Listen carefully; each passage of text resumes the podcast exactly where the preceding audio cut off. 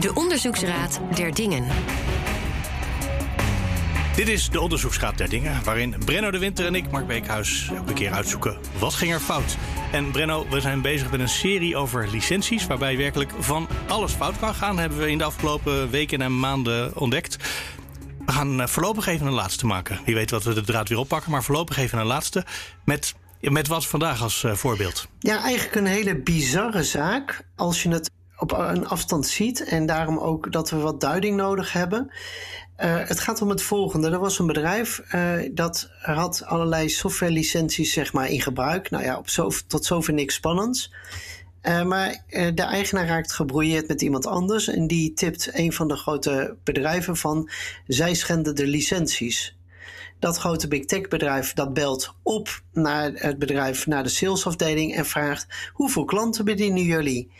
En de salespersoon aan de telefoon overdrijft dat enigszins. En uh, vervolgens legt, uh, ja, wordt er een claim neergelegd waar uiteindelijk dat bedrijf aan failliet is gegaan. En daarom doe ik een beetje schimmig, want de eigenaar wil, ja, wil er best wel informatie verstrekken, maar niet zeg maar, met naam en toenaam genoemd worden. Maar uiteindelijk leidde dat dus tot een uh, faillissement.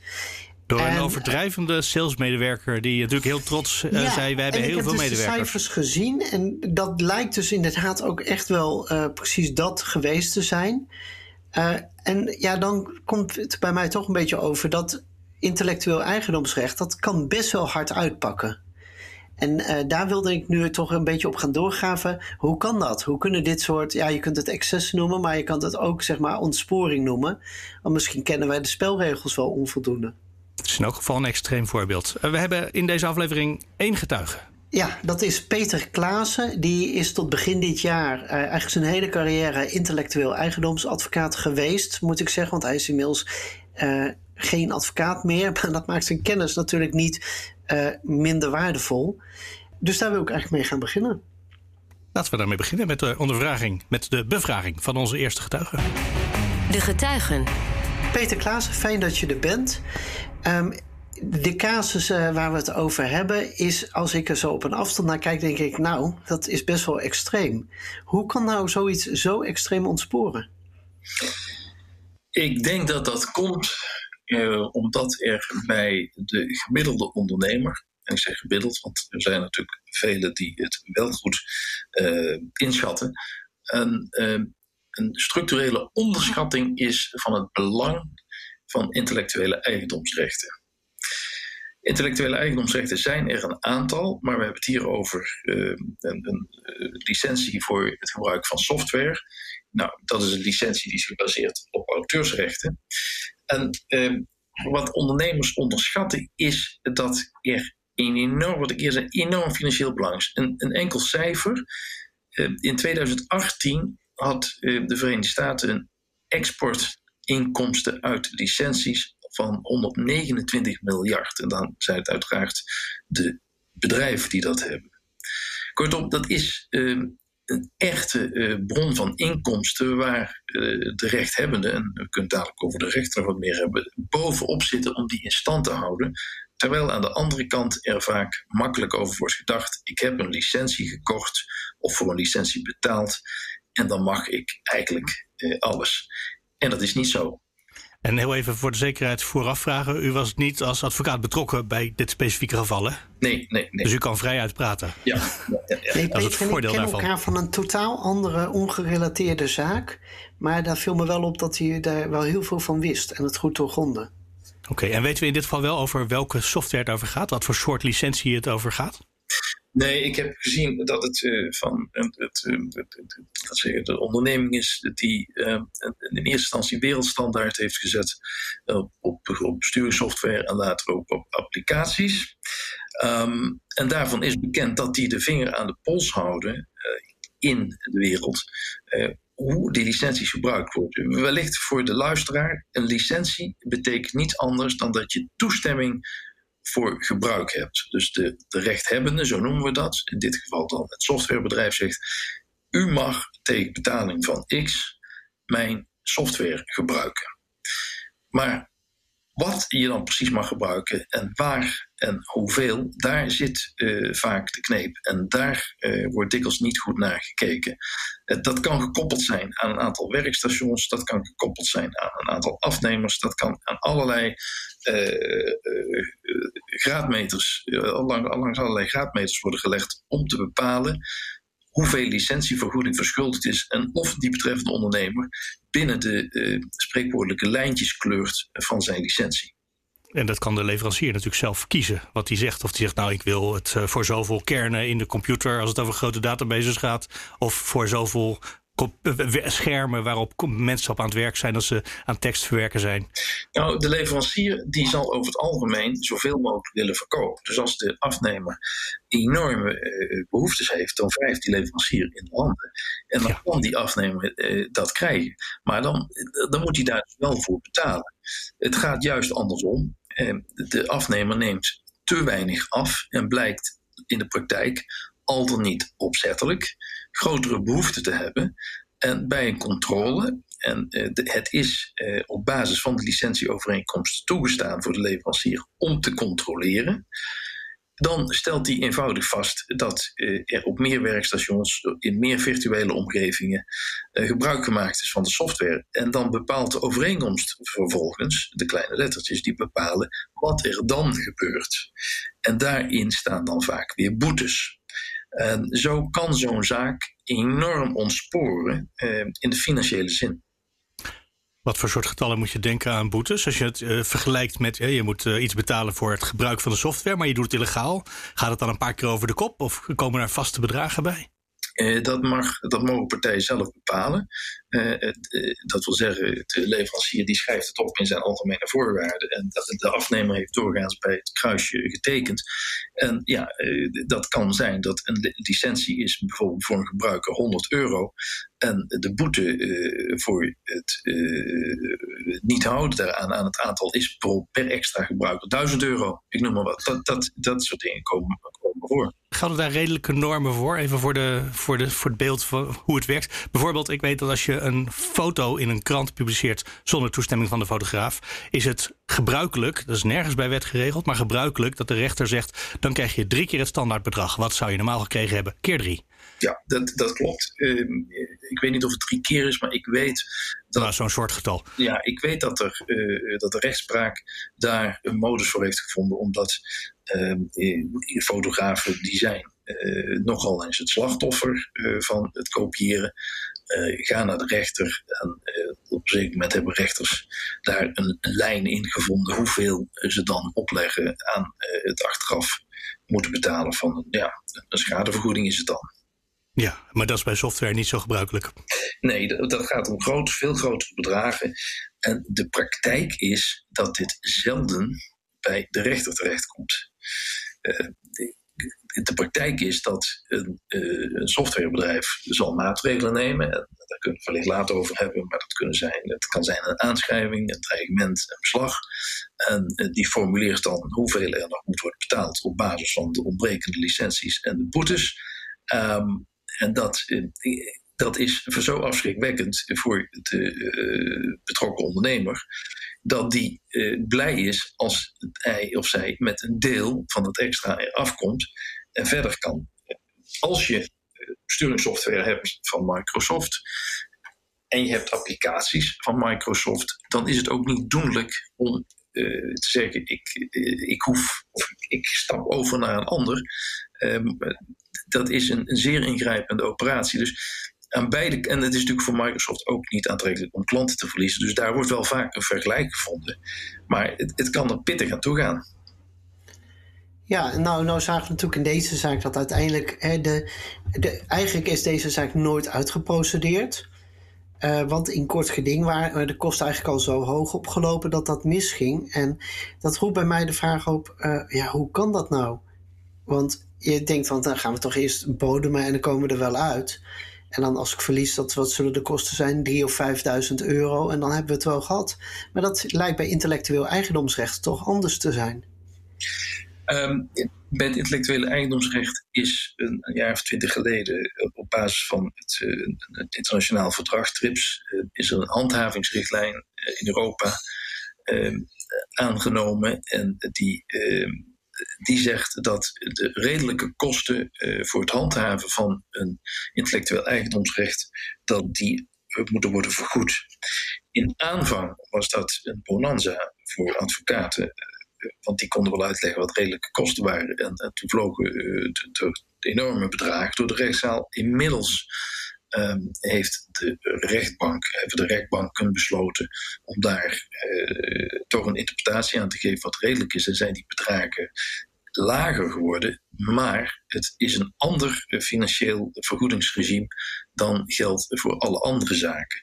Dus in een eenvoudig IE-kortgeding, ik benadruk eenvoudig, is de, de verliezer toe aan 8000 euro proceskostenvergoeding voor de tegenpartij. En is het iets ingewikkelder, dan is het 15.000. In een bodemprocedure kan dat oplopen tot 25.000.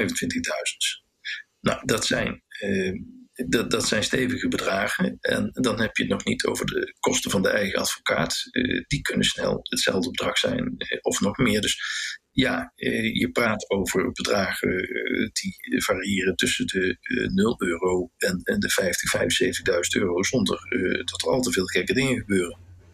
Ja, want was, inderdaad, vroeger was het zo dat Stichting Brein had een advocaat die rekende 500 euro per uur. En dan kon de tegenpartij, als die verloor, eigenlijk meteen dat helemaal gaan ophoesten. Dat is dus eigenlijk dan wat gematigd, begrijp ik nu. Dat is wat gematigd, ja. ja, ja, ja. Maar dat zijn alleen de juridische kosten die omlaag zijn gegaan. De vergoeding voor het overtreden van de, de licentieovereenkomst. Of het niet hebben van een licentieovereenkomst, notabene. Uh, daar, daar is misschien niet zoveel in veranderd, of ook? Nee daar, nee, daar is niets veranderd. Want dat is niet anders dan een contract. En uh, die, kijk, die boete, als die excessief is, kan de rechter vinden dat uh, het in strijd is met de redelijkheid en billijkheid. En in, in uitzonderlijke omstandigheden om, die boete matigen. Maar nogmaals, dat gebeurt zelden. Uh, het, het, komt zelden tot uitspraak en ook zelden dat er gematigd wordt.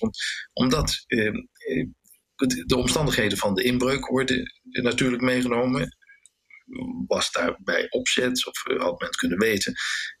En twee, nog belangrijker, men heeft ook getekend voor die boete. Dus matiging kan, maar daar zou ik als inbreukmaker niet als, als beste. Niet op vanuit gaan. Nee, nee, nee, De lat ligt heel hoog om daar vanaf te komen. Ja, want eh, licenties worden, eh, waar het hier om gaat, worden niet aan consumenten uh, verschaft, maar die worden doorgaans aan ondernemingen of overheden verschaft. En daar worden, worden geacht professionals te zitten die ook die voorwaarden lezen en begrijpen. Had de bedrijfsjurist maar de volledige pagina's met kleine letters door moeten nemen? Ja, dat is de gedachte. En dat is ook niet, niet, niet raar, want uh, je spreekt dat af. En, uh, maar dat is dus wat, waar het, om terug te komen op de vraag van Brenno, dat, dat is waar het denk ik fout gaat.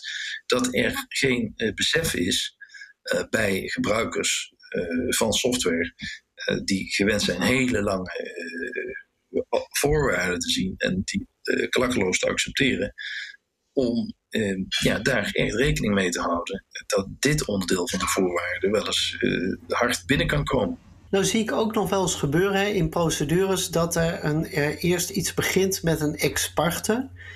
En uh, dat is dan een procedure. Stel dat ik dan even zeg maar, aan de ontvangende kant zit dat ik niet eens me heb kunnen verdedigen.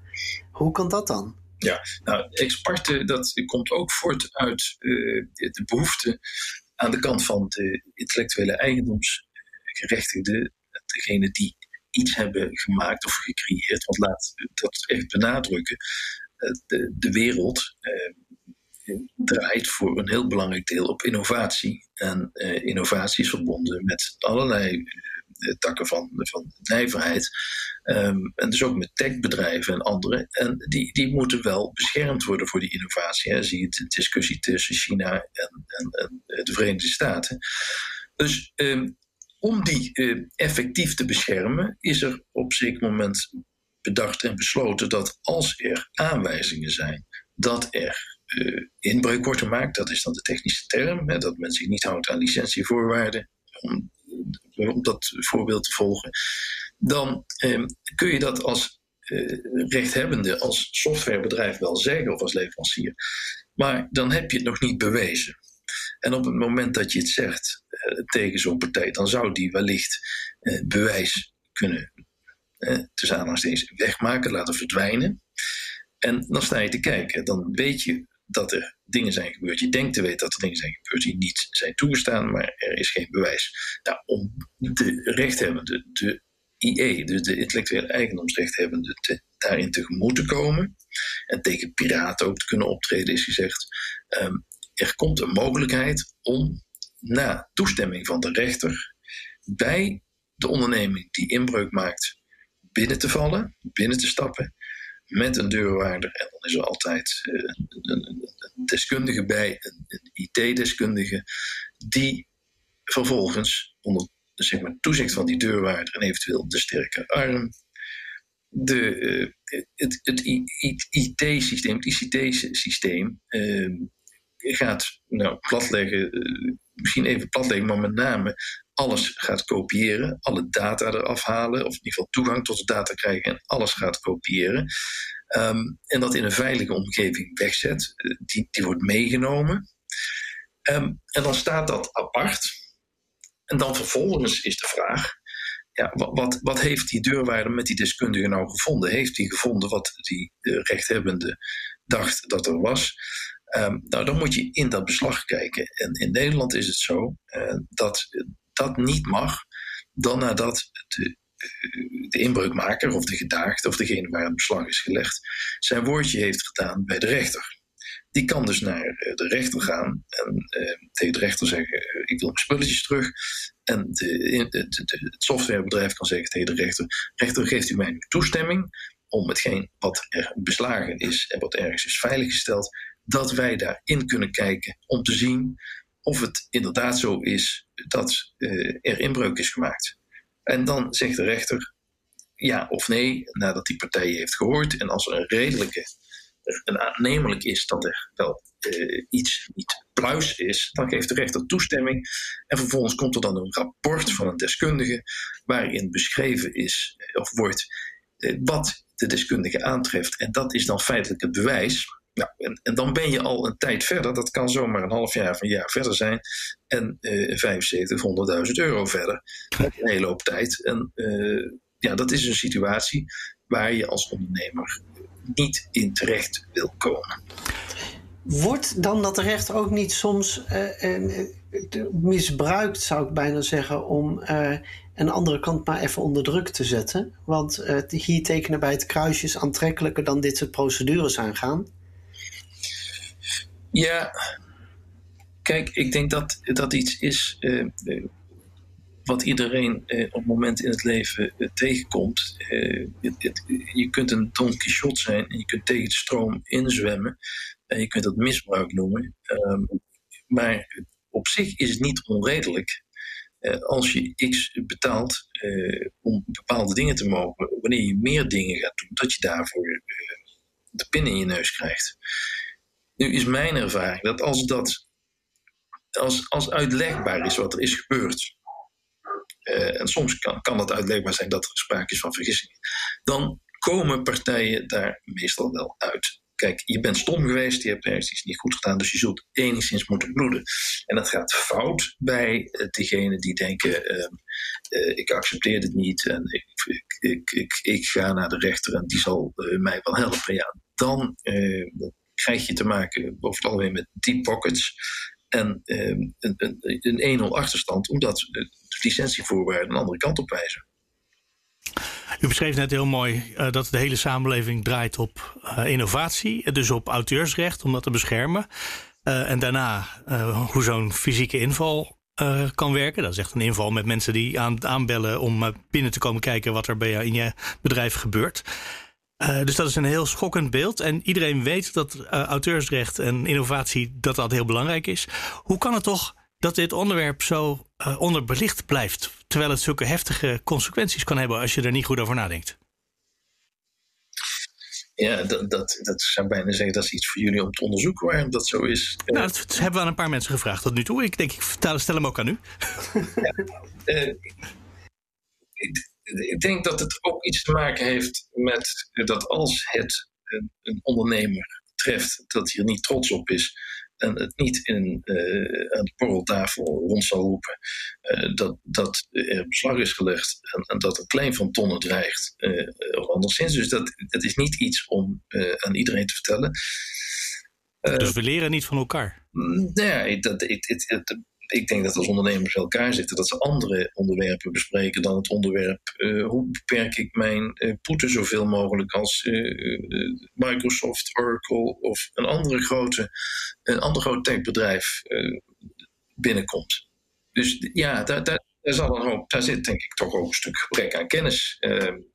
maar je zou, je, kijk, ik heb het niet over een, een, een onderneming met uh, drie computers, maar laat nou zeggen een onderneming met eh, 50 of meer mensen. Daar staan behoorlijk veel computers, er zal een server zijn, er draaien allerlei programma's met Tito licenties, want het, ik noem steeds hetzelfde, maar er zijn natuurlijk veel meer licentiegevers.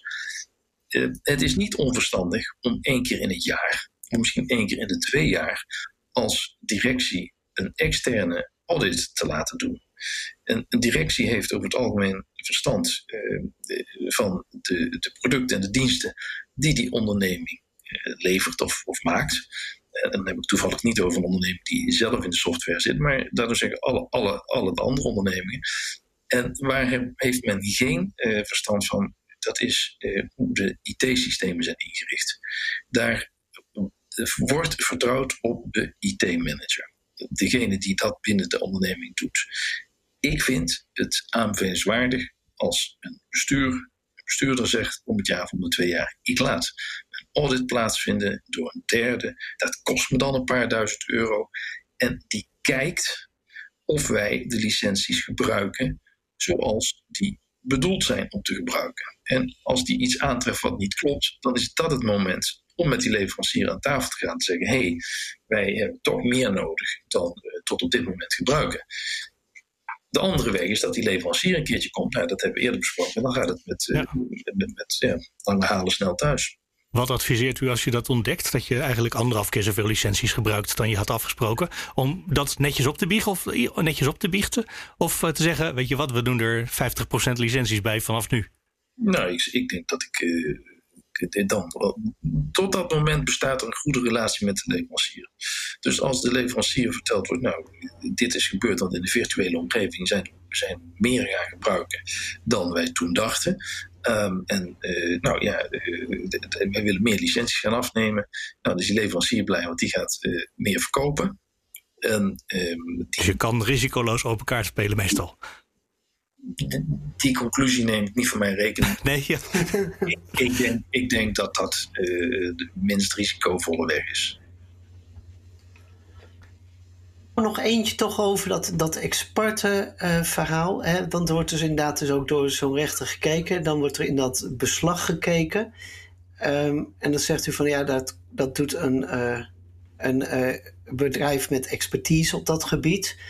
Uh, moet dat per se een bedrijf zijn dat bijvoorbeeld echt daadwerkelijk forensisch, digitaal forensisch onderzoek doet?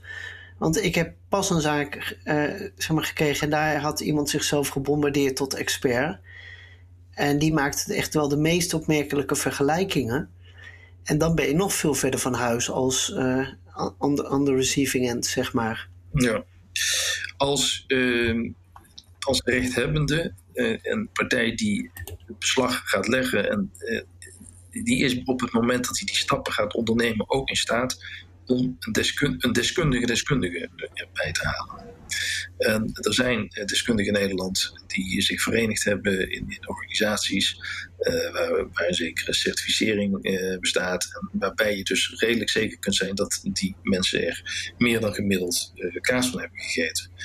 Um, maar het is ook goed mogelijk dat op het moment dat dat beslag gelegd is, um, en uh, waar, waar, de deskundige die is ingeschakeld ervoor heeft gezorgd dat alles netjes op een, daar, op een drager staat, uh, dat de rechtbank een derde deskundige aanwijst. Die zegt: uh, nee, dat is partijdeskundige, wij, wij wijzen mevrouw Y of meneer X aan uh, want dat is een te goede naam een bekendstaande uh, deskundige die de rechtbank vaker inschakelt. En die doet dan dat werk om.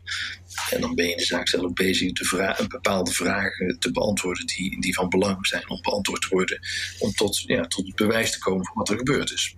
Maar ik, ik begrijp ook eigenlijk eruit, hè, het is vooraf moet je al proactief zijn als je licenties hebt. Maar daarna is het dus ook een kwestie van, uh, ook in zo'n procedure dus heel proactief blijven. En ook gewoon proberen invloed uit te oefenen, dat er dan ook een goede expert komt.